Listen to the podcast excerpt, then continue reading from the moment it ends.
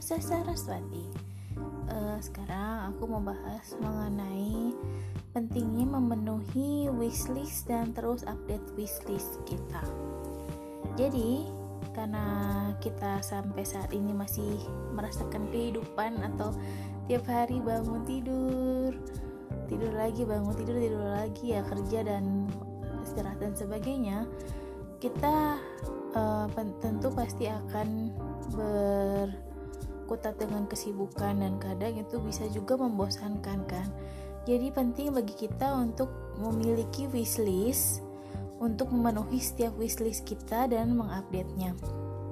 Jadi misalnya kita uh, kondisi sedang bekerja kita merasakan begitu bosan gitu kita bisa punya wishlist mengenai makanan yang ingin kita beli baju yang ingin kita beli atau berbagi dengan sesama atau uh, wishlist wishlist lainnya berlibur atau seperti apa atau nelpon teman jadi kita harus memiliki wishlist dan kita berusaha memenuhinya.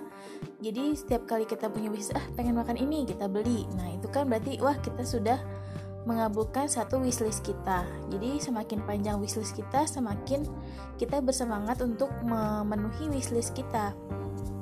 Dan juga jangan lupa untuk mengupdate-nya apabila ada satu wishlist yang udah kita penuhi kita bisa loh mengupdate tambah lagi wishlistnya nanti apa lagi gak perlu buru-buru yang penting kita udah rencanakan apa yang mau kita raih untuk uh, dalam apa ya me, dalam kehidupan kita ini gitu. Selain tugas kita yang utama uh, sehari-hari yang rutin gitu. Wishlist itu kan sesuatu yang di luar uh, ke apa ya di luar kebiasaan kita. Misalnya untuk memenuhi hal yang ingin kita ingini.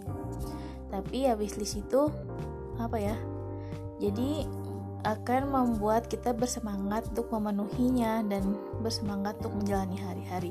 Kalau udah satu wishlist yang terpenuhi pasti wah senang ya ternyata kita pengen ini kesampaian juga kita ya berbuat baik atau apa pun itu pokoknya jadikan wishlist itu menjadi semangat kita. Jadi penting banget untuk memenuhi wishlist kita dan terus mengupdate-nya. Ya gitu aja. Bye.